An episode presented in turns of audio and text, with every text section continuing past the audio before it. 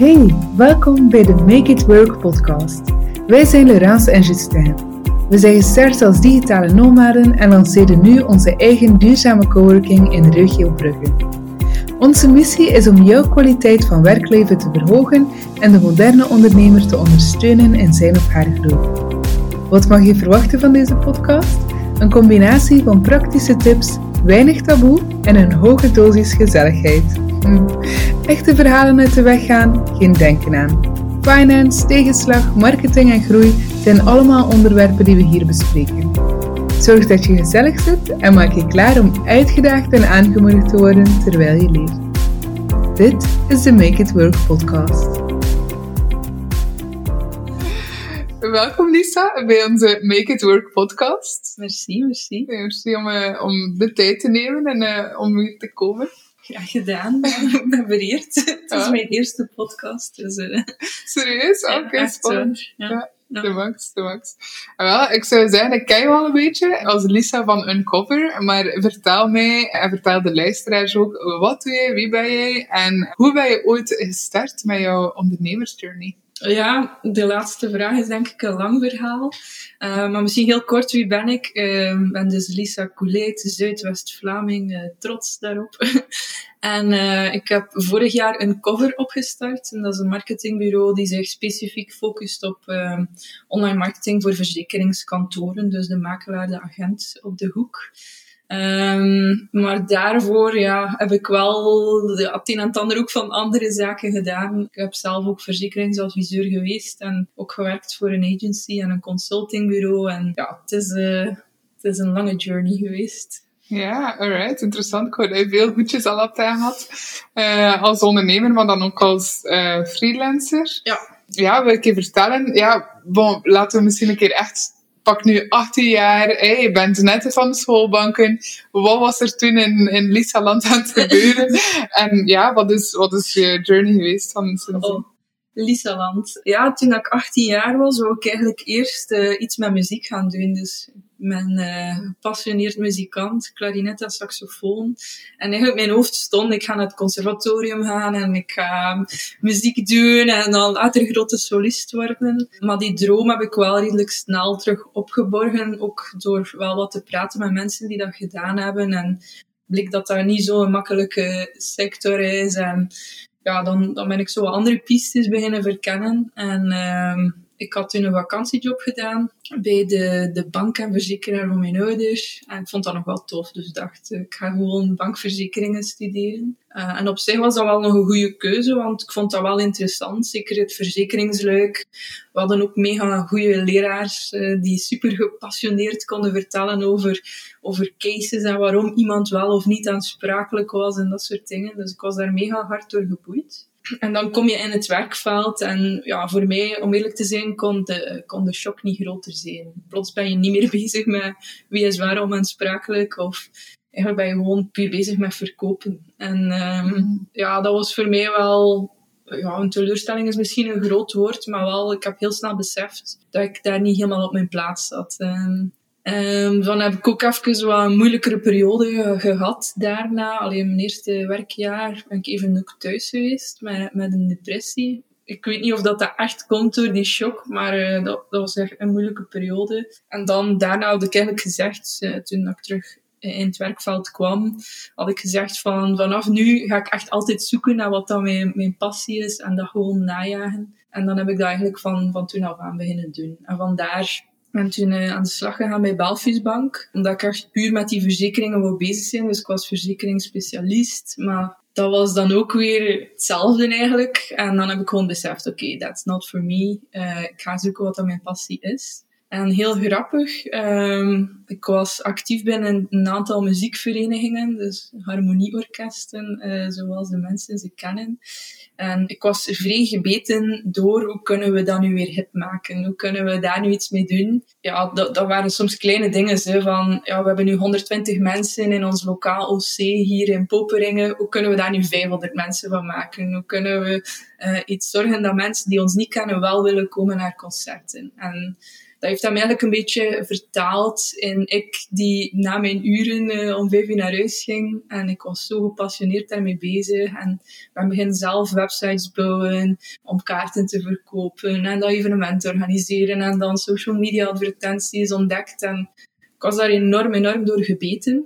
Dus toen wist ik, dat wil ik gaan doen. En ja, vandaar is denk ik zo allemaal wel begonnen. En op een dag dan gewoon de sprong gemaakt. Naar? Ik had een, een opleiding gevolgd bij Vives. Eh, zo gewoon een avond, een eenmalige avondopleiding. En die leraar was Nick Vinkier. Um, die ken ik. Ja, dat was Nick. En uh, ja, dat was direct, ik wil gewoon doen wat dat hij doet. Dus na de les trok ik mijn stoute schoenen aan en ik zei, ja Nick, wat moet ik gaan studeren om te doen wat hij doet?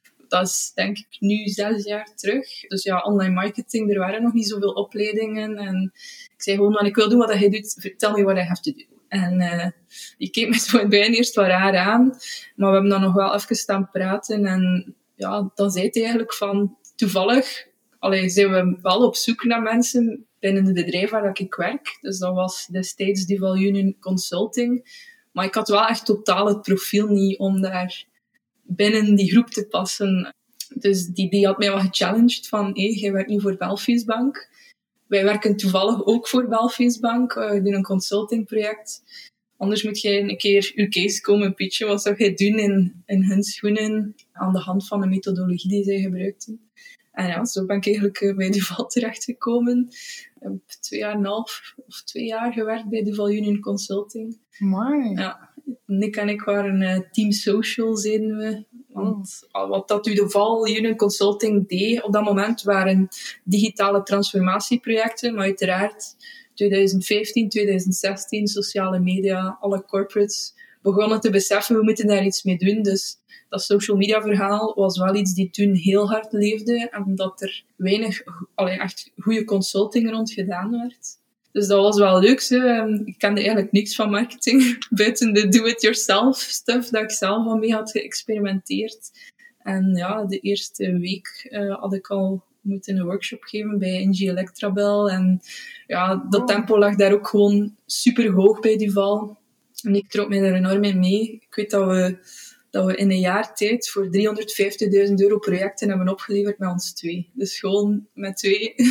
Wow. dat is uh, super, uh, ging echt super snel. En, en, ik was ook gewoon zo iemand van, ja, ik geloof in jou, dus uh, we gaan dat gewoon samen doen. Ik weet dat ik heel veel YouTube-filmpjes heb gekeken en ja, maar het was wel puur strategische consulting die wij deden. Want natuurlijk, ja, als je iets uitlegt, moet je natuurlijk weten hoe dat het werkt. Dus naast mijn uren was ik dan bezig met alles wat ik dacht van, dat kan nog interessant zijn, dat weer toe te passen op, ja, vooral de muziekverenigingen waar dat ik, dat ik zat.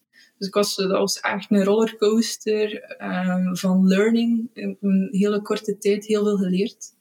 Um, maar op den duur ja, begin je toch wel dat operationele te missen. En zeker als je bedrijven begeleidt in, in dat strategieverhaal en je laat het los, er gebeurt eigenlijk niks mee. Hè. mensen pakken dat niet op. En dat vond ik vrij jammer. En binnen Duval zelf was er niet echt de ambitie om daar, ehm, ja, om daar echt operationeel ook mee te gaan werken met klanten. En toen heb ik uh, beslist van ja, oké, mijn groeipad hier stopt en het is tijd voor mij om, om puur dat operationele ook eens te gaan, uh, gaan ja, uitproberen. Dan heb ik een, een aantal maanden eigenlijk um, in Antwerpen gaan werken. Dus ik woonde toen in Ieper en elke dag naar Antwerpen gereden. Gewoon omdat ik echt wou bijleren over, uh, over growth hacking en echt het operationele van marketing. En ik heb dan even gewerkt bij The Growth Revolution. staat ondertussen wel niet meer, maar dat was ook een heel leerrijke periode. Uh, waar ik heel vaak met de mensen van Board of Innovation op baan was. En dat waren heel veel projectjes waar ofwel corporates ofwel corporate startups zoiets hadden van we hebben een idee, maar we zijn niet zeker of dat gaat werken. Experimenteer er maar op los, maar we willen validatie in de markt. En dan gaat je heel operationeel aan de slag met dat soort dingen. Echt websitejes opzetten, landingspagina's, blogs schrijven, video's maken, ads opzetten. Dus uh, dat was ook heel, heel leerrijk voor mij. Maar ja, natuurlijk elke dag hyper Antwerpen. Er is wel, in mijn hoofd heeft het even wel geleefd om in het Antwerpse te gaan wonen. Maar ja, ik denk, denk dat de vibes mij dan toch in West-Vlaanderen gehouden hebben. Dat ik zoiets had van, het zou toch al jammer zijn om hier weg te gaan. Ook ja, het verenigingsleven, dat blijft wel altijd zo'n een, een rode draad. En ik vond het heel jammer om al die, die leuke zaken op te geven. Toen heb ik ook beslist van, oké, ik, kan, ik kan dit niet nog een jaar uh, elke dag Antwerpen, dus wat ga ik nu gaan doen? En uh, het freelance verhaal was eigenlijk nog niet echt in mijn hoofd gekomen. Tot op een moment dat er een bedrijf was, uh, heel dicht bij mij thuis een bedrijf die designmeubilair maakt, uh, die op zoek was naar iemand die hun digitale strategie kon gewoon eigenlijk op gang trekken. Ze hadden geen strategie, dus iemand die echt kon gaan nadenken wat moeten we gaan doen en die dat dan ook operationeel kon, kon gaan trekken. Ik dacht, dat is mega interessant. Uh, maar ik was heel bang om dicht bij huis te gaan werken. En zeker Zuidwest-Vlaanderen, de Westhoek, dat is ja, rechtuit, recht toe, maar heel bekrompen wel. En ik was heel bang van, ik ga, ik ga vastgerust geraken. En toen was wel de optie van, ik wil dat doen, maar op freelance basis. Drie dagen per week, uh, zodat ik mijn opties kan openhouden en wel kan met andere bedrijven blijven samenwerken. En uh, ja, zo was het gebeurd eigenlijk. Heb ik een jaar samengewerkt met dat bedrijf. Was ook weer heel leerrijk, omdat je dan plots binnen een bedrijf echt gaat, gaat werken. Dus ja, is nog anders of consultant zijn of in een agency werken. Dus dat was helemaal weer iets nieuws voor mij. Ook zo politiek binnen een bedrijf. En ik heb geleerd uh, dat ik iemand ben die soms mensen passeert zonder het door te hebben. Zo dat soort dingen. Dat was super leerrijk. Ik denk dat ik drie jaar als freelancer gewerkt heb. En dan eigenlijk weer het gevoel kreeg van... Hmm, het klopt precies toch nog niet helemaal mijn verhaal. En dat was voornamelijk omdat als freelancer ben je eigenlijk wel een deel van het bedrijf, maar nooit echt. Je zit zo altijd in die zwevende rol. En ik ben iemand die enorm houdt van cultuur. En als, het zo, als ik zag dat er bijvoorbeeld iets niet goed zat in cultuur, dan wou ik daar zo initiatieven opnemen. Bij een aantal bedrijven zo, heb ik letterlijk gewoon high five zones of zo'n bedrijf. Allee, stom, stomme dingen. En in het begin wordt het allemaal wel geapprecieerd. Maar na een tijdje dat is meerdere keren gebeurd, ben ik op mijn plaats gezet geweest van, jij zit de freelancer, stop ermee.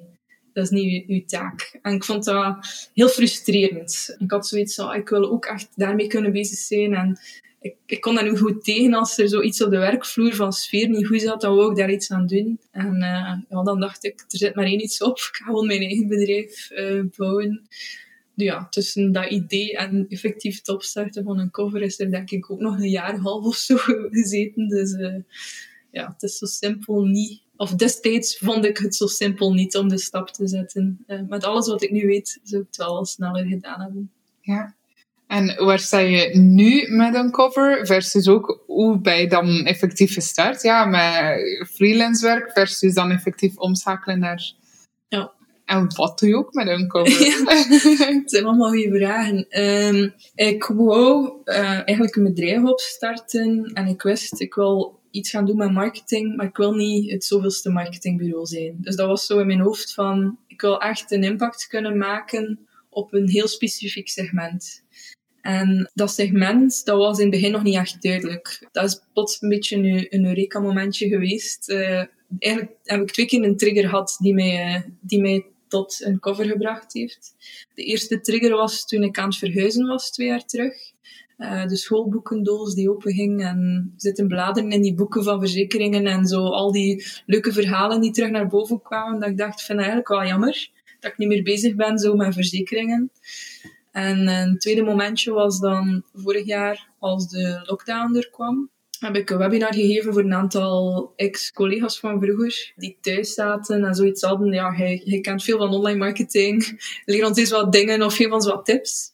In die webinar, of achteraf, had ik dan zo gewoon een paar vragen gesteld van hoe komt het eigenlijk dat in de verzekeringssector, als ik kijk naar alle makelaars en agenten dat ik ken, er wordt er echt niks gedaan met online marketing. Hoe komt dat? En, en zij zeiden van, ja, één, het is niet dat wij dat niet willen, maar we kennen er niks van.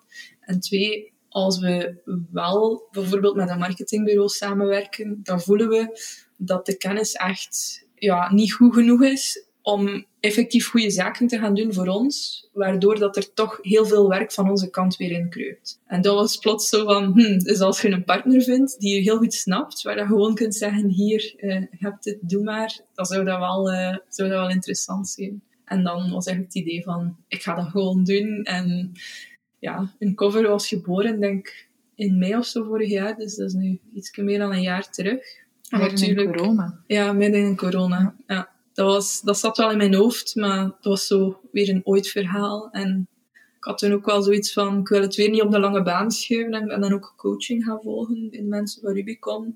Zij hebben echt wel... Uh, alleen zo een beetje mijn accountability partner geweest om uh, te zorgen dat je effectief stappen onderneemt. Want we zijn een jaar later, maar een jaar later, ik ben nog maar net een maand geleden of zo echt volledig gestopt met freelance activiteiten. Dus je ziet dat duurt wel even voordat je dat terug afbouwt. En ook die mindset als freelancer is helemaal anders dan als ondernemer. En daar heb ik wel lange tijd mee gestruggeld om dat los te laten. Welke grootste verschillen zie je dan uh, tussen freelance en ondernemer zijn? Het ging vooral over um, ja, in de mindset zetten van als freelancer verkoopt je tijd. En was daar enorm mee bezig van, ja, ik moet goed werk afleveren en elk uur dat ik niet gewerkt heb, uh, is een uur dat je niks kunt factureren. Dus ik zat zo heel de tijd in die mindset. En ik was totaal niet bezig met, ja, met netwerk opbouwen of, of ja, echt gaan denken van, hoe kunnen we nu een, een mooi pricingpakket gaan maken of, of welke services gaan we aanbieden. Ik was gewoon heel de tijd bezig met mijn tijd te verkopen en mijn agenda zat constant blok toe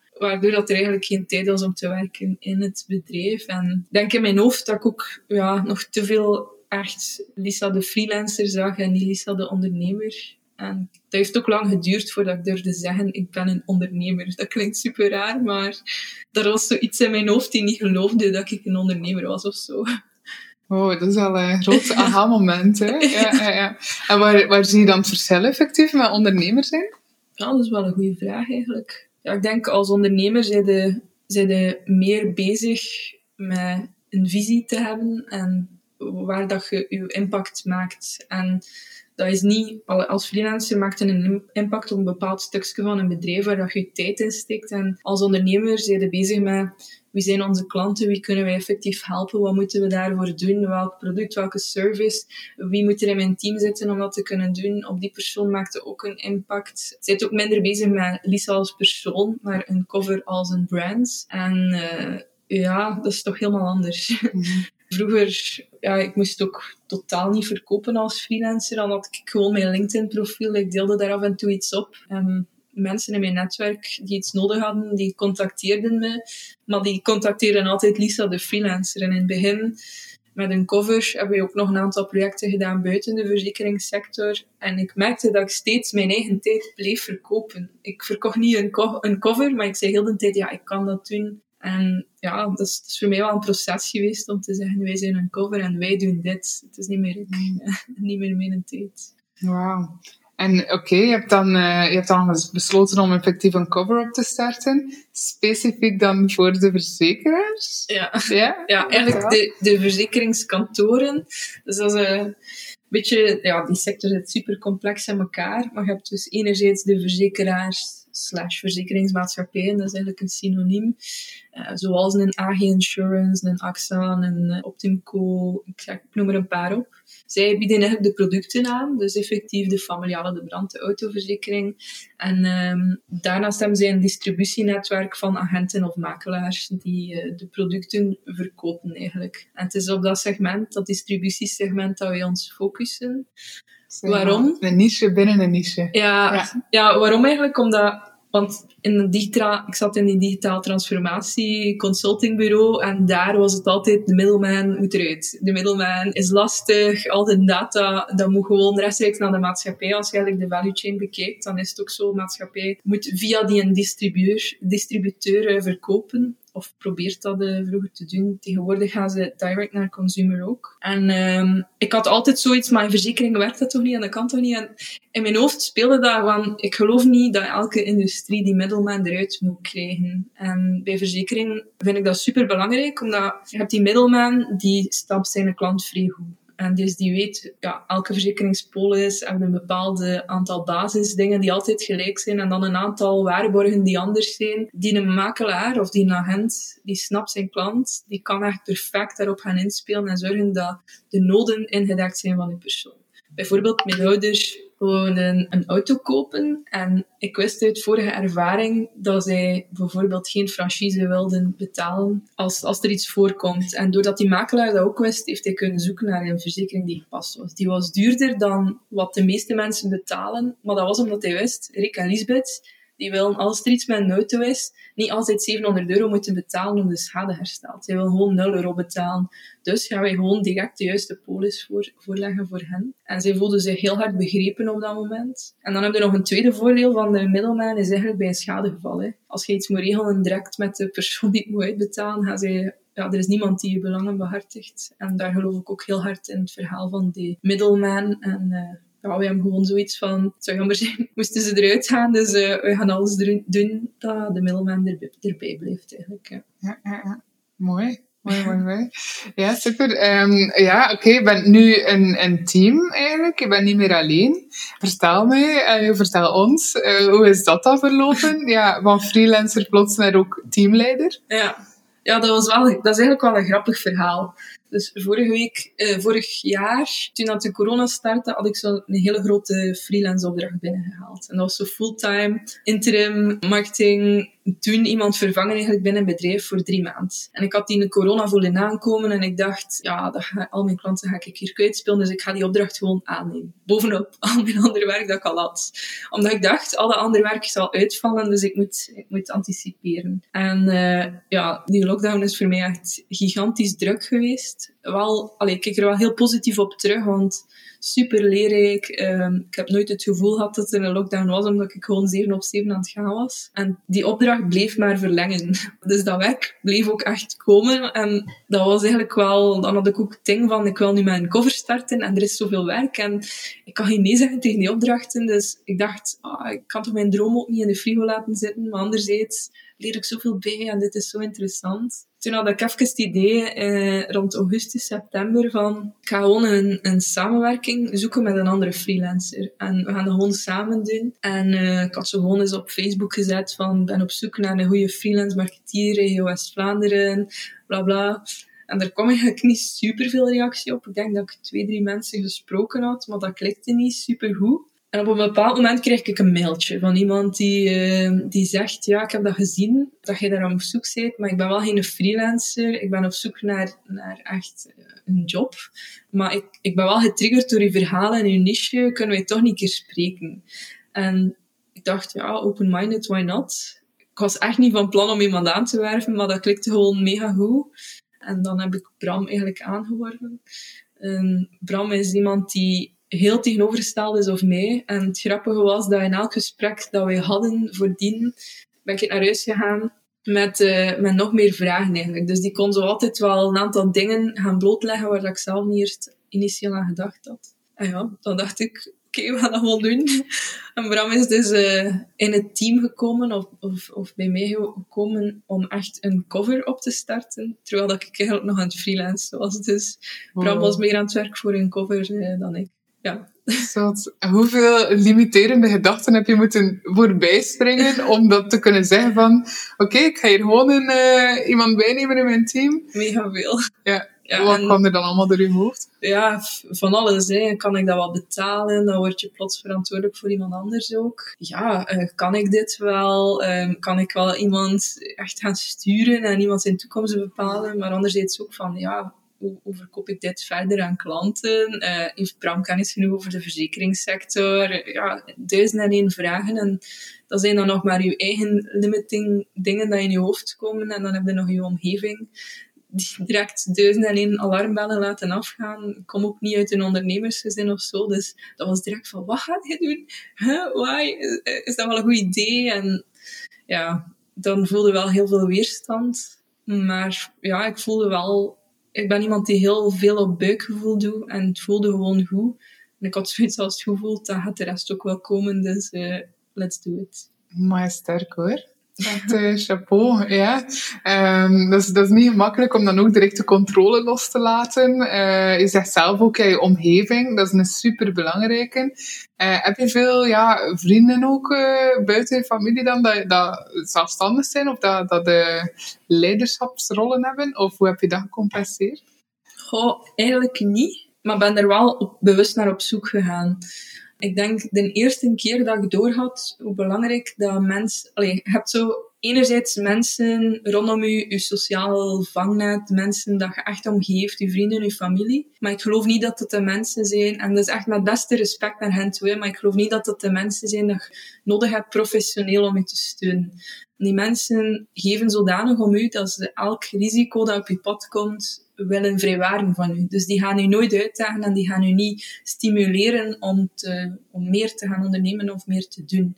En dat is met de beste bedoelingen. En ja, ik had al heel snel door van, als ik echt dat wil doen, dan ga ik moeten zoeken naar mensen rondom mij die wel die ervaringen hebben. Of ja, misschien niet zoveel om mij geven, zoals mijn vrienden en familie, waardoor dat ze mij wel uitdagen. Ik denk de eerste keer dat ik dat gevoeld heb, was toen ik lid geworden ben van EBBC, dus de boekenclub, eh, Entrepreneurial Business Book Club, of zo is de afkorting. Cool. Eh, dat, was, uh, dat, is, dat is eigenlijk over heel de wereld. Uh, oh. zijn er chapters, maar ik, ik was gegaan naar die in Gent en dat was echt een openbaring voor mij. Ik ben daar in de praat geraakt met heel wat mensen. Cool. Plots heel wat mensen verder staan over u. Dus je bent direct zo mega hard getriggerd en uitgedaagd om, om gewoon al bij die groep te staan. En dan daarna aan de praat geraakt uh, met Matthias Lamira van uh, Rubicon. En, ja, en die zat... de zes van de Make It Work ja, podcast. Voilà. dus zo ja, met Matthias aan de praat geraakt. En Matthias was net de Rubicon aan het opstarten. En die zei van ja, wij zijn eigenlijk net... Of wij willen mensen helpen die zo vooruit willen en die op zoek zijn naar een omgeving waar, waar ze kunnen gechallenged worden. En ik denk dat ik een van de eerste leden ben van Rubicon. Wow. Ja, en dat heeft mij enorm geholpen. En van daaruit ook beseft hoe belangrijk dat, dat is. Dus ben steeds actief op zoek gegaan naar echt goede omgeving. En ja, leuke mensen zoals onder, onder andere jij, die ja, rondom je, dat is belangrijk. Ja, absoluut. Ja, ik vind het heel leuk om ook, uh, ja, net voor de podcast, waar we elkaar echt aan het opheppen van, oké, we zijn keer goed bezig en dit is waar we nog beter in kunnen. En ja, oké, onze doelen, daar, daar willen we staan. Uh, En effectief even zo, ja, bevestigen dat het moeilijk is om mensen in onze omgeving mee te pakken, maar dat daarom die connectie net zo belangrijk is. Ja. Ik denk mensen die het je gunnen en echt wel de, dat ook in jou geloven. Niet enkel voor wie dat je bent, natuurlijk ook, maar ook voor je skills, ook voor, je, voor je doorzettingsvermogen, ook voor je leiderschap. Dat zijn um, misschien ook rollen dat mensen zoals je familie of je vrienden ja, niet altijd zien van je.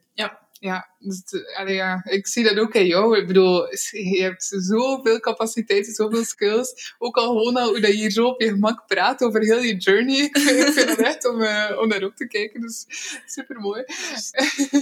Met veel plezier. Maar ja, dat is echt wel zeker zo. Ik vind wel, als je dan actief zoekt naar mensen waar dat je... Allee, soms laat dat een keer vallen in een vriendengroep. En vele vrienden kijken mij raar als ik zeg allee, veel mensen zeggen altijd, deel graag iets op Instagram, zo, oh, ze zijn mega goed bezig. En dan denk ik, ik ben nog ben echt nog maar op 10% of zo van mijn potentieel. Want ik voel, hoe meer dat ik, dat ik obstakels tegenkom, hoe meer dat ik groei. Dus ik, ik verwacht echt zo van, ja, wat is nu het obstakel, het volgende dat ik uit ga leren.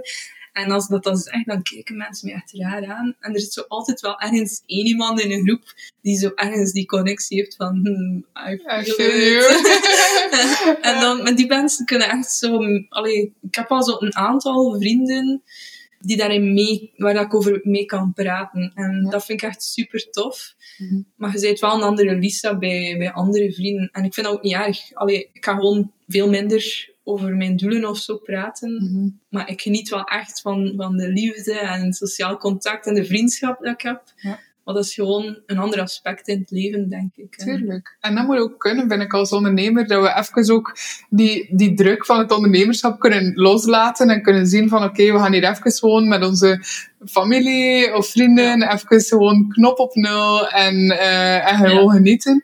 En de andere kant natuurlijk ook uh, mensen die je uitdagen en, en ja. dan allee, bemoedigen dan ook. Ja. Van oké, ja, let's go. Let's, allee, la, laten we gaan naar de volgende level van ondernemerschap, van persoon zijn. Van, uh, ja. Ja. ja, inderdaad. Mm-hmm. Ja, ik probeer ook wel... Mijn ouders bijvoorbeeld, die steunen mij keihard, maar ik probeer echt gewoon heel weinig te vertellen over wat ik doe professioneel, omdat ik heb er ook niet zoveel behoefte aan eigenlijk om erover te praten. En anderzijds ook gewoon omdat ik hen niet wil belasten met, met mijn obstakels, omdat ik weet, zij zouden zich dat aantrekken, omdat ze mij geven. En voor mij, ik kijk er net op omdat, omdat ik weet van ik ga hieruit groeien. Dus dan, dan probeer ik die, gewoon, die dingen gewoon te houden voor, voor de mensen. Dat ik weet, die gaan mij daar al uittrekken op hun manier. En ja, dat klinkt, dat klinkt super grof. Ik heb ooit zo eens een keer iets op LinkedIn gedeeld ook van voor carrièreadvies luister ik niet naar familie en vrienden. En dat was misschien domste dat ik ooit gedaan had. Want dan zijn er een aantal vrienden die ook op LinkedIn zitten, ah, die zich zo plots beledigd voelen. Maar dat is echt totaal niet beledigend bedoeld. Maar ja, dat is zo'n beetje als advies gaan vragen uh, over, ik zeg maar, moederschap bij een vriendin dat nog nooit moeder is geweest. Uh, ja, aan wie vraag je advies? Liefst toch aan de mensen die wel ja, hebben gehaald wat dat jij graag zou willen behalen. Ja. En daar zou dat taboe inderdaad niet mogen inzitten. Hè, van, nee. Ja, niet iedereen is sterk in, ja, in alles. Uh... Dat is waar, dat is waar. En ja, ook vooral, denk vooral het risico nemen, allee, als ondernemer, en wij hebben met een cover echt bijna nul risico. Alleen, we hebben eigenlijk een laptop, een kantoor. Dat is het grootste risico dat je pakt. Dus als het misloopt, er kan er niet veel mislopen bij mij. Maar toch neem je wel een, een risico en mensen rondom je willen je er echt van behoeden. Dus is het gewoon echt heel belangrijk dat je daar niet laat aan meeslepen. En daar heel bewust ook, als iemand iets zegt uit, uit zorg, dat je dat heel bewust kunt plaatsen van, ja, ik weet het en ben mij er ook van bewust. Maar ja, dat is net het mooie eraan ook, vind ik. Uh, bedankt voor, voor de input en, en ja. ik zal het uh, meenemen in de toekomst. ja. Ja, dat is, dat is inderdaad belangrijk. En zo weten aan wie dat je kan vragen allee, wat je nodig hebt. En daarom is een groot netwerk ook belangrijk om, om ja, net, net die specifieke vraag te kunnen stellen. Ja. En dan even ook het ego aan de zijkant te zetten van oké, ik weet niet alles. Ik wil ook effectief even een mening van iemand dat ik denk dat, dat beter is in dit Ja, dat is waar. Dat is echt iets wat ik denk het, het meeste wat ik gemist heb uit corona. Ja. Allee, we hebben een Rubicon uh, was er wel tijdens corona, maar dat was allemaal online. En ik, ik, voelde mij... Ik heb heel lang hoe, hoe kunnen uithouden in corona. Tot zo nu de laatste drie maanden ja. had ik echt het gevoel van, dit mag niet meer langer duren. Ik voelde mij niet meer uitgedaagd. Ik voelde mij echt uitgeblust. Ik ben ook heel extravert in die zin dat ik echt mega veel energie haal uit samen zijn met mensen. Ja. En op dat moment zijn dat alleen maar bij de mensen die net in de groep behoren van we willen niet dat je risico's neemt, we willen niet behoeden. En oh, ik voelde mij zo onuitgedaagd. En ik voel wel nu terug een nieuwe vibe. Zo, ja. ja nieuwe, toch een aantal evenementen die terug doorgaan. Weer wat mensen zien die, die inderdaad we elkaar wel kunnen ophypen. Uh, Dat is zoveel deugd. Ja, ja, ja, absoluut, absoluut. Ja, superbelangrijk. Ik denk dat mentale, wil ik misschien wel even uh, highlighten. Je hebt daar straks gezegd over ja, dat je in een bepaalde moeilijke periode bent geraakt, hè, depressie bent geraakt. Ik denk dat dat ook wel ja, jouw leven heeft gevormd. Ik denk dat dat ook veel te vaak taboe wordt gehouden. Mhm. Ik zou graag zo het taboe willen doorbreken en vragen naar jou, hoe was dat? Uh, vertel me, ja, hoe ben je daar ook uitgekomen? Um, wat neem je mee nu als ondernemer, maar ook gewoon als jij, als Lisa zijn? Ja, dat is, een, super leerrijke periode geweest. Hè. En het is zoals dat gezegd, dat taboe, dat is er bij mij wel lang geweest. Ja, dat was ook iets in mijn hele dichte omgeving, is dat eigenlijk nog altijd zo. Er kan heel moeilijk over gepraat worden.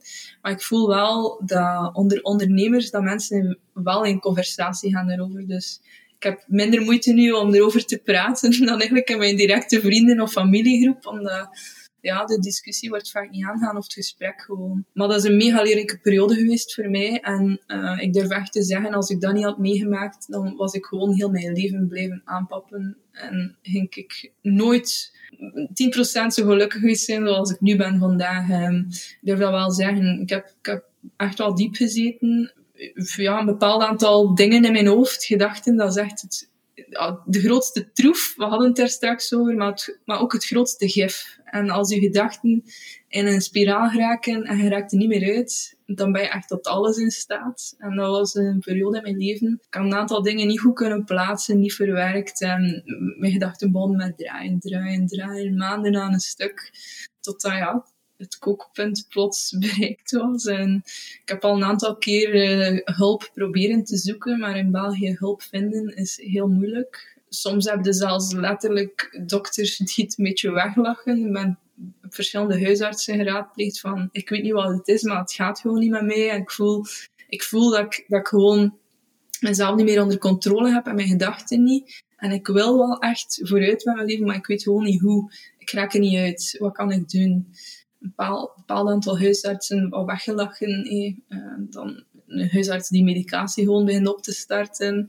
En uh, dan heb ik ook een aantal keer proberen een, een gesprek bij een psycholoog vast te leggen. Dat waren echt wachttijden van maanden dan eigenlijk gaan aankloppen in Ieper, in het psychiatrisch ziekenhuis. Ze zegt van, ja, ik weet echt gewoon niet meer wat doen en ik voel als dit zo doorgaat, dan weet ik gewoon ook niet meer hoe het gaat stoppen. En dan was het ook, ja, maar ja, eh, je gaat echt nog moeten een half jaar wachten voor we je kunnen helpen. En al die signalen was ze van, wij kunnen je niet helpen, wij kunnen je niet helpen. En je situatie is niet erg genoeg en dat soort dingen. En dat is, dat is mega, mega raar eigenlijk, want als ze mij een half jaar vroeger hadden kunnen helpen, was ik waarschijnlijk nooit opgenomen geweest. Maar dus uh, ja, op een bepaald moment toch dat kookpunt bereikt en er niet meer uitgeraakt. En ja, op een dag ik zoiets, het hoeft allemaal niet meer voor mij. En ja, gelukkig wel ja, door, door goede hulp van mensen rondom mij dan toch een, een gedwongen opname kunnen doen. Eigenlijk, als ik er nu op terugdenk, denk ik wel dat ik in mijn achterhoofd had van mensen gaan mij wel redden en ik ga er wel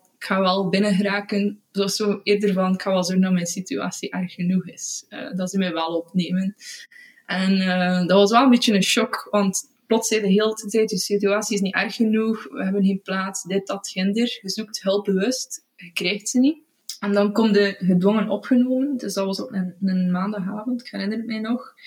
En uh, dan plots is je situatie zodanig ernstig dat ze daar heel kot op stellen zijn. Dan moet je zo in een isolatiecel, al je kleren af, krijg je, krijg medicatie waar je binnen vijf minuten gewoon lam gelegd wordt. Heel, uh, ja, mijn vriend had mij toen ook binnengebracht. Die, was, die heeft daar volgens mij nog altijd een trauma aan overgehouden. En dat is echt super raar. Er is daar gewoon niks tussen. Tussen, tussen ja, hulp zoeken, hulp krijgen is een grote stap. Um, maar dat was super leerrijk. Ik ben een aantal maanden opgenomen geweest. En ja, wat dat zij doen, en daar heb ik nog altijd steeds naar terug, is terugkeren naar je basisbehoeften. Slaap, eten, bewegen.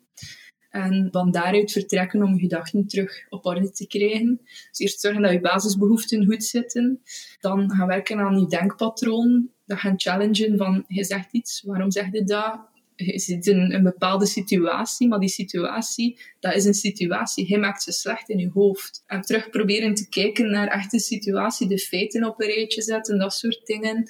Denktraining gekregen, ja, echt super veel, uh, veel op, opgestoken. En op een bepaald moment voelde je wel sterk genoeg om terug de draad op te pikken. En uh, ik draag daar nog altijd mega veel learnings over mee. Zeker ook dat basis, de basisbehoeften. Als ik voel van het gaat even minder, dan weet ik, als er één iets is dat ik nu niet mag verliezen, of het is weer prijs, is die drie dingen. Bewegen, eten, slapen. Soms moeilijker dan, dan het is eigenlijk. Maar um, ja, dan weet ik gewoon van nu moet ik echt elke dag gaan wandelen. Nu ga ik echt proberen gezond te eten. Ga ik mijn nacht slaap echt proberen te houden. Anders ik er vanaf week en ik zit al niet zo goed in mijn vel, dan, dan is het terugprijs. Dus dat hou ik altijd vast. En ik denk, ja, de gedachte waar we het straks over hadden, zo, dat is gif of dat is uw troef daar probeer ik ook wel bewuster en steeds bewuster mee om te gaan. Wat, wat er in je hoofd leeft, dat is zo belangrijk uh, voor alles. En ja, destijds was dat nu heel negatief en, en zodanig negatief dat je, dat je geen kwaliteitsvol leven meer kunt hebben.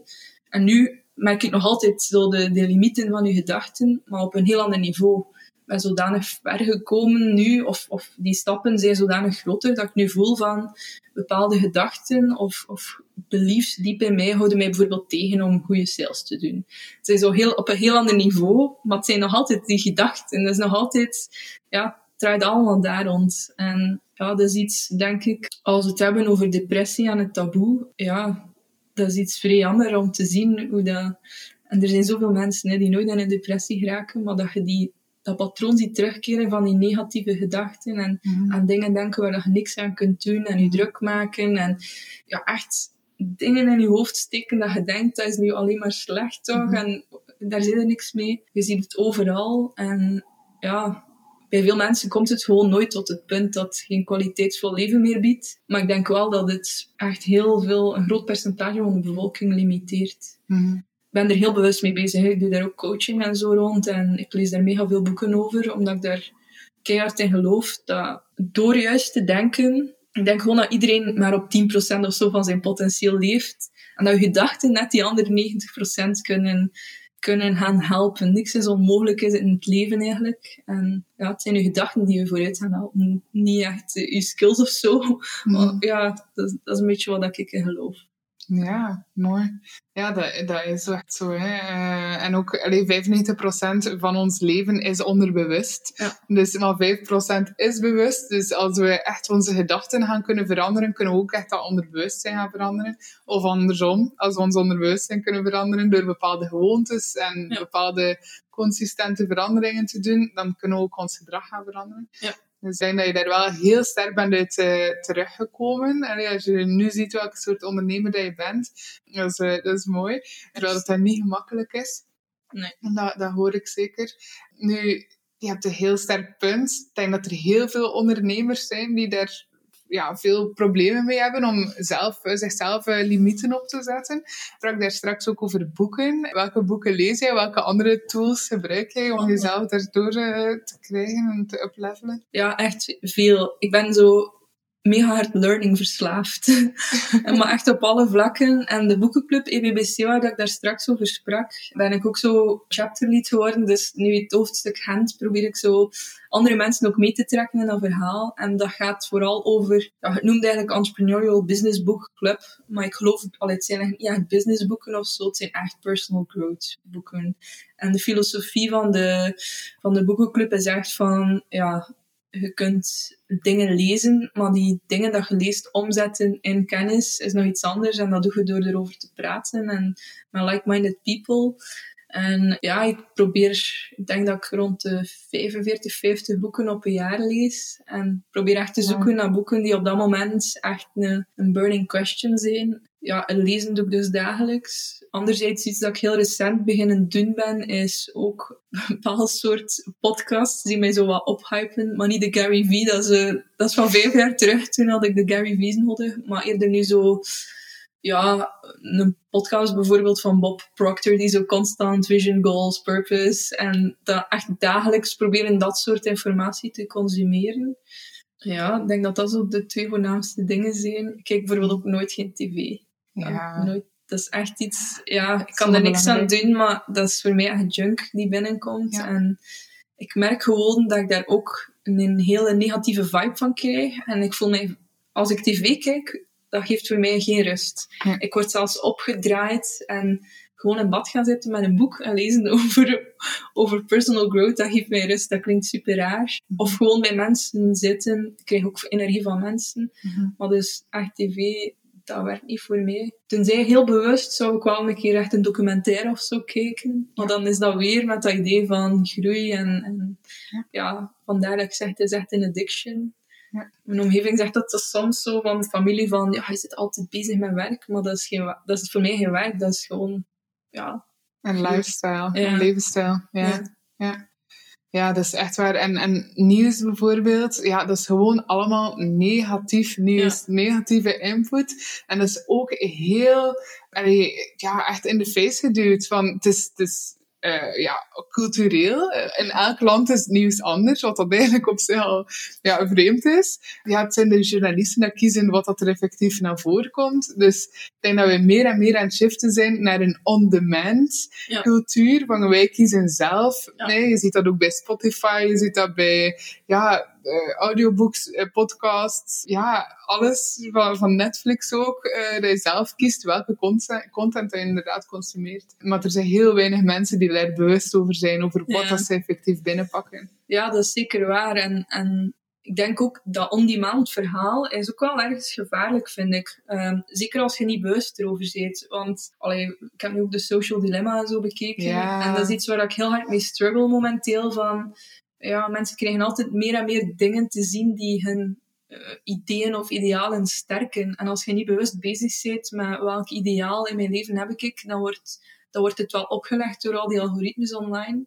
Mhm. En uh, ben er zelf ook heel hard mee bezig, bijvoorbeeld om, om echt te stoppen met Facebook en te stoppen met Instagram. Ook al draait bijna mijn hele business er rond. Gewoon omdat ik heel bewust wel het gevoel heb van dat zijn niet de juiste triggers die, die mijn, alleen niet, niet de dingen die de juiste gedachten triggeren. Mhm. Maar langs de andere kant, ja, als muzikant geen Facebook meer hebben, word ik ook wel snel vergeten. En ja, Mhm. Het is uh, een beetje een deel van ons sociaal leven geworden. Dus denk, ja, inderdaad, bewust zijn, bewust mee omgaan. Mhm.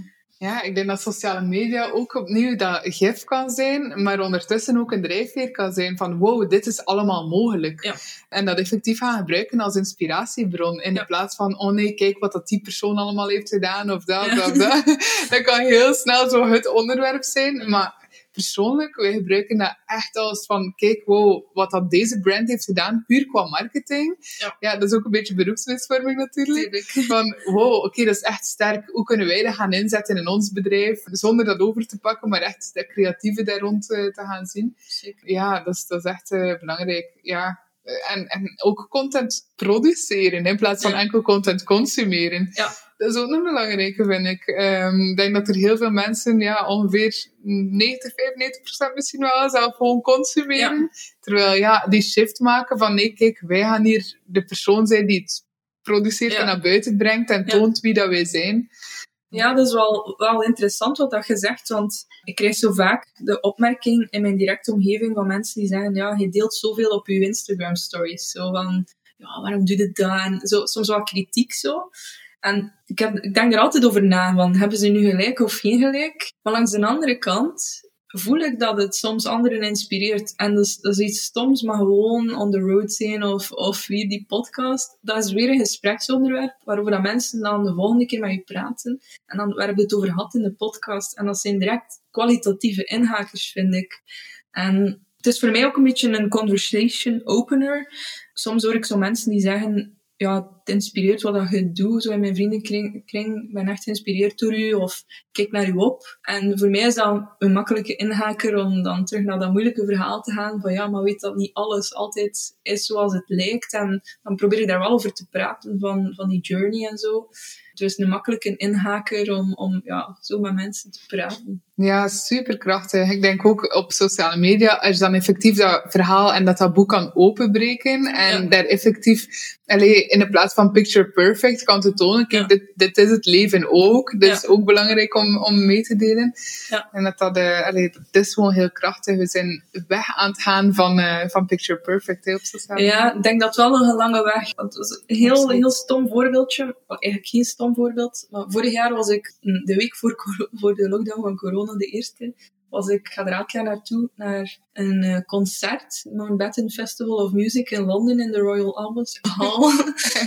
en dat zijn zo alle orkesten van, van Her Majesty, de Marines en zo, die samen een, orkest, een, een mega leuk concert brengen. En het thema was mentale gezondheid. Wow, en er was zo, ja, Prins Harry en, uh, en zijn vriendin waren dat, of zijn vrouw waren dat dan ook. En dat was zo net dat moment dat dat zo een beetje de hype, alleen het taboe begon zo wel losgebroken te worden daar in de UK rond mentale gezondheid. En ze hebben toen een mega sterk nummer gebracht, waarbij dat mensen uit het orkest eh, opkwamen van ik heb ook een mentaal probleem gehad, of ik heb ook een depressie gehad, of ik heb, ja, weet ik veel wat, uh, podiumangst of zo, van die dingen, maar ik sta hier wel. En dus iedereen kwam zo wat uit voor zijn mentaal probleem. En dan werd er gezegd, één op de vier mensen rondom u heeft er ook mee te maken gehad, of heeft er nu mee te maken, kijk een keer rond. En op dat moment, dan zo net een mega emotioneel nummer gespeeld, keek ik rondom mij. En ik had natuurlijk ook zelf een krop in de keel. En er waren superveel mensen rondom mij een traan aan het laten. En dat was voor mij een binnenkomer van, waarom praten wij daar niet over? En toen ik thuis kwam, een week of drie later, dacht ik, goh, dat was nog altijd aan het spelen en dat nummer was ondertussen, hadden ze dat, een filmpje daarvan online gezet, uh, van de Moonbitten Festival of Music. En ik dacht, ik moet dat delen en ik moet daar iets over vertellen En ik dacht, hé, dat is dan een keer de, de moeilijkere kant van het verhaal in plaats van altijd inspireren en het positieve. En dus wat doe ik? Ik schrijf daar een post om en ik deel die op LinkedIn en ik deel die op Facebook. En op LinkedIn krijg ik zo mega veel reacties van mensen. Wauw, sterk en inderdaad. En iedereen was super open-minded. En op Facebook was zo raar. Geen like, geen commentaar, niks.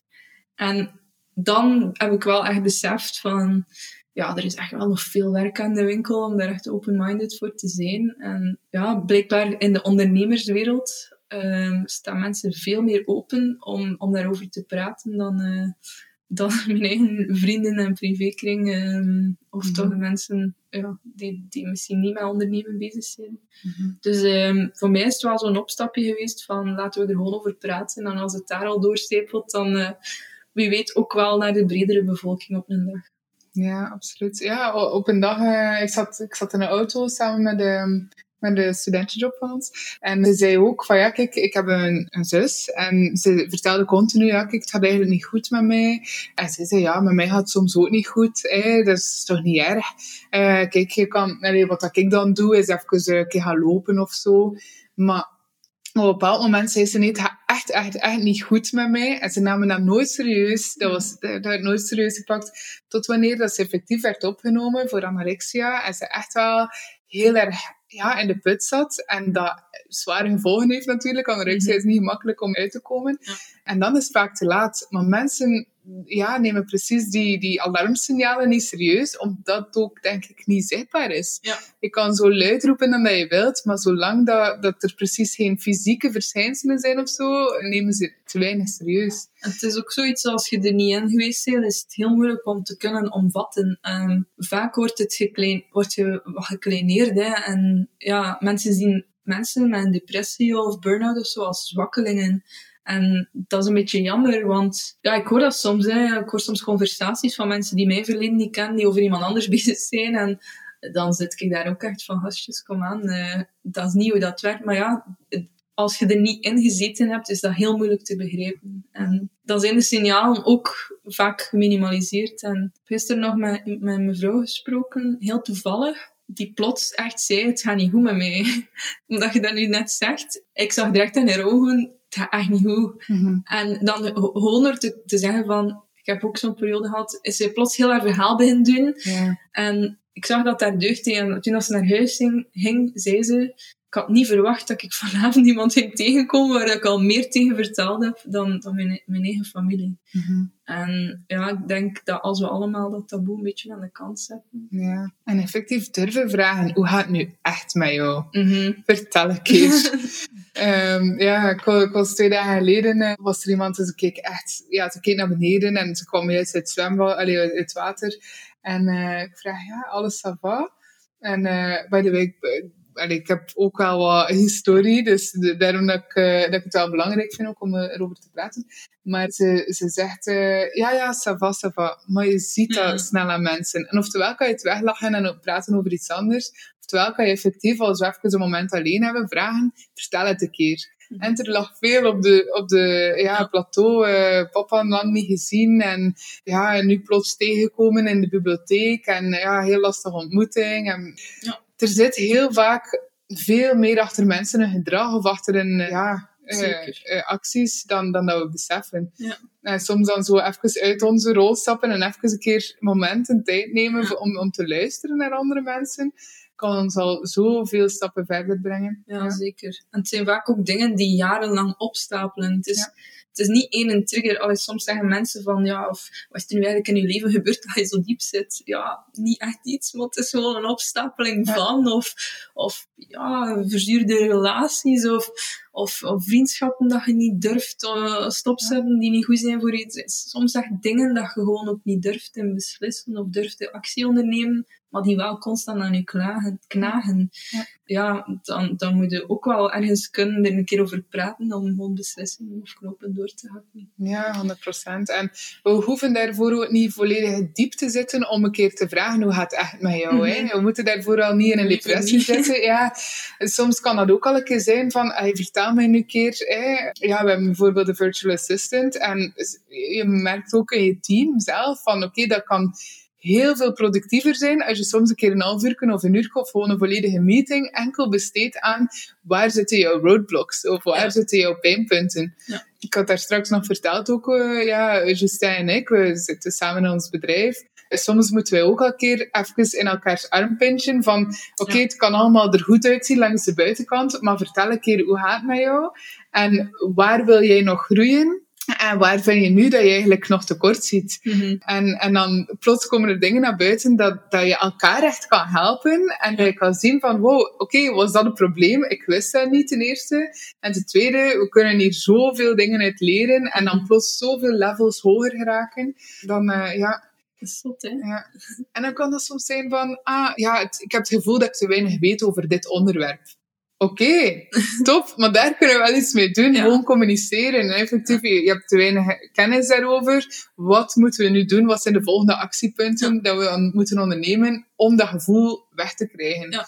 Wil je daar effectief iets aan doen? Is dat je prioriteit op dit moment? Ja, if yes, dan oké, let's allee, laten we iets samen eh, ja, doen. Ja, ik denk het, het leuke daaraan is, aan het kunnen inderdaad erover praten, is dat je soms op heel andere ideeën of beseft dat dat het probleem niet zat waar dat je dacht dat zat. Ja, En als je is dit zo constant bezig, ja, ik ben daar niet goed in, of ah, ik ben super slecht in mijn agenda beheren of zo. Ja. En dan plots door erover te praten met mensen die zo je wat challengen, dan beseft je, oei, het probleem zit eigenlijk totaal daar niet. Ja. Maar eerder in bijvoorbeeld, ik die altijd overenthousiast wordt van projecten en tegen niks nee kan zeggen, Ja. Omdat ik het gevoel heb, als ik nee zeg, gaan mensen mij niet minder graag hebben. Dus zit mijn agenda altijd chockvol. Ja. dat is niet een planningprobleem, dat is een nee-zeg-probleem. Ja, dus ja, dat is ja. iets helemaal anders, dat je zelf nooit bij gekomen was. eh. absoluut. We proberen al heel vaak oplossingen te geven voor problemen dat er misschien wel zijn, maar dat de oorzaak misschien anders is van het probleem. Ja. Dus zo een heel een een helemaal andere context. eh, Maar ehm, we waren op een familiefeest en eh, er was een kindje aan het bibberen in het zwembad. En ik dacht, oei, dat kindje heeft koud en daarom is die wat sip. Eh, dus ik zie die en ik denk, ja, ik ga daar een handdoek naartoe geven. Nu, de papa van dat kindje vraagt van, ja, ja Arthur, eh, wat is er? En hij zat bijna te wenen, hè? dus de trill was niet van te koud, maar zei van, ik wil dat het andere neefje erbij komt. Ik ben hier helemaal alleen. Dus dan denk je van, oké, ik probeer goed, ik wou bijna gaan goed doen en een handdoek gaan geven, maar die trill in zijn lip zat niet van de koude, was ja, om, om een ander, met een ander kindje te spelen. Dus dat was zo'n groot aha-moment om dan geen actie te ondernemen en gewoon even te bekijken wat is de probleemsituatie of zo. En, en op basis daarvan te weten van, ah, wow, oké, één, het is mijn verantwoordelijkheid niet. En twee, die persoon kan zelf wel vertellen wat het probleem Ja. is. En dat is Ehm, nog een kindje. Dus een, Ja. dat is dan nog iemand, allee, een kindje die nog niet al, alles geleerd heeft, zoals dat wij het leren van, moet je ideeën voor je eigen houden, eh, voetjes op de grond. Allee, al die Ja. dingen die wij meekregen in de opvoeding, dat kindje heeft dat nog niet. Dus stel je voor, 10, 15 jaar later, had hij misschien niet durven zeggen wat dat echt het probleem Ja. is of zo. Of, Van ik wil dat je komt, kom mij. ja. Voilà. Ja. Soms zeg ik dat ook gewoon tegen mijn vriend. Ik heb aandacht nodig. dat is het probleem. en dan zo, oké, daar, daar kan ik iets aan doen. dus dingen benoemen, ja. ja, absoluut, absoluut. Ja, nee, ik denk dat dat, dat, dat belangrijke onderwerpen zijn. Nu, eh, hoe zie jij de toekomst voor een cover? Goeie vraag. Ja, ik denk dat we wel een spannend jaar gehad hebben. En in mijn ogen is het niet, allee, toch wel trager gegaan dan dat ik wilde eigenlijk. Vooral omdat ik de laatste maanden voel dat ik niet uitgedaagd genoeg ben.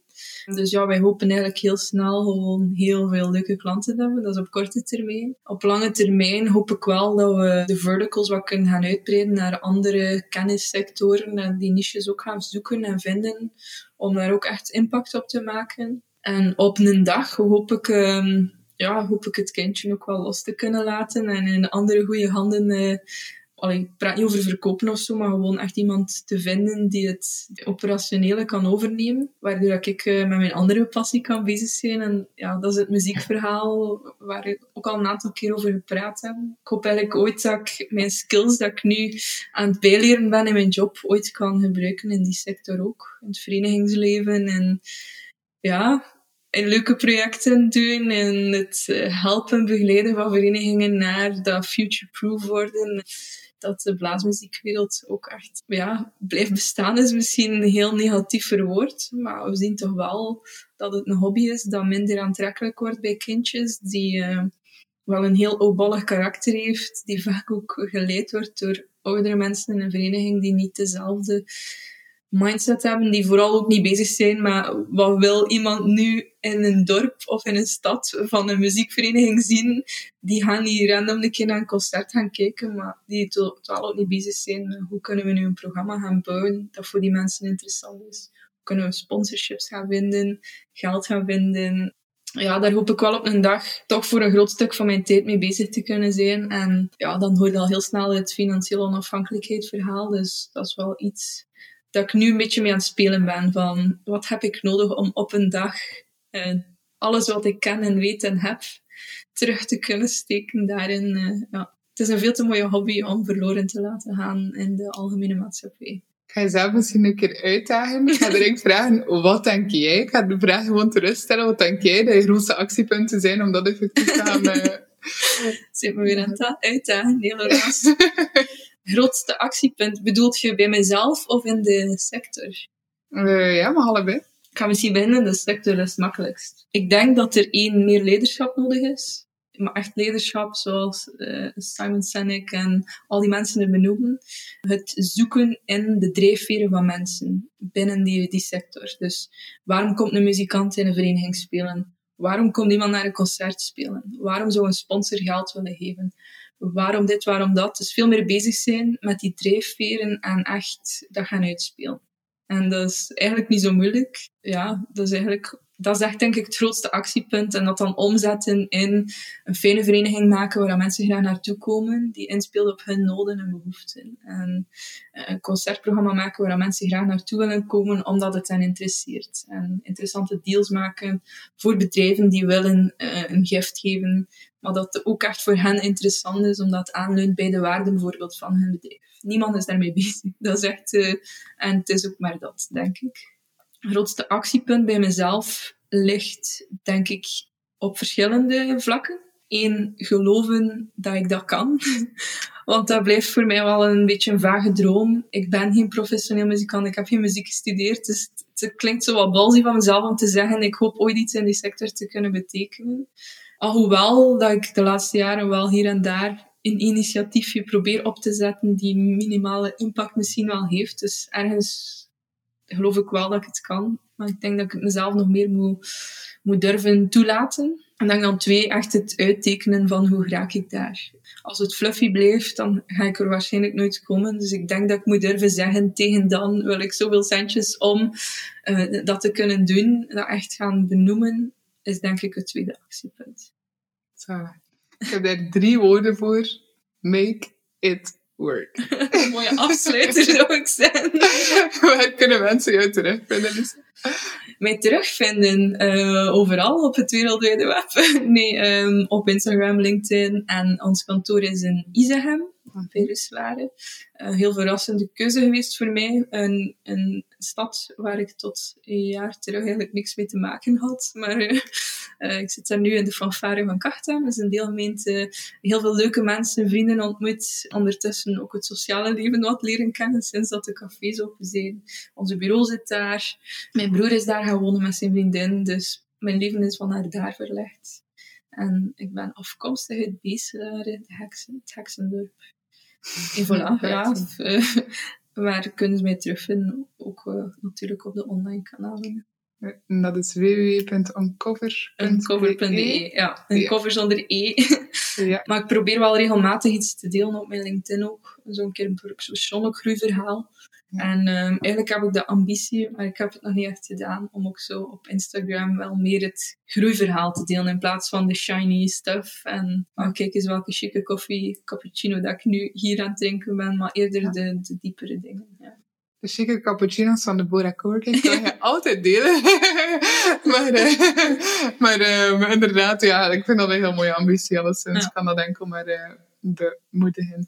Wij zetten jouw gegevens op de show notes beneden in, op Spotify onder de titel. En dan hoop ik dat alle verzekeraars en alle mensen die misschien ook wel gewoon willen praten over, over mentale uitdagingen of over fanfarebeleid of over marketing, allemaal naar jou, naar jou kunnen gaan. Ja.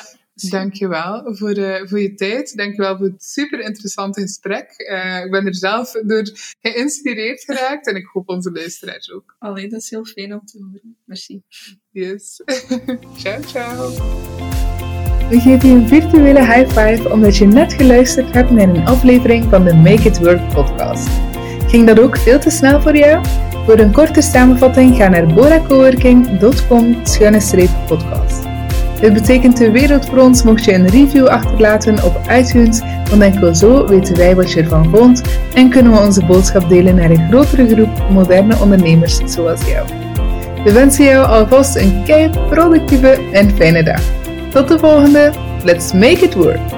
Let's make it work, baby. Let's make it work.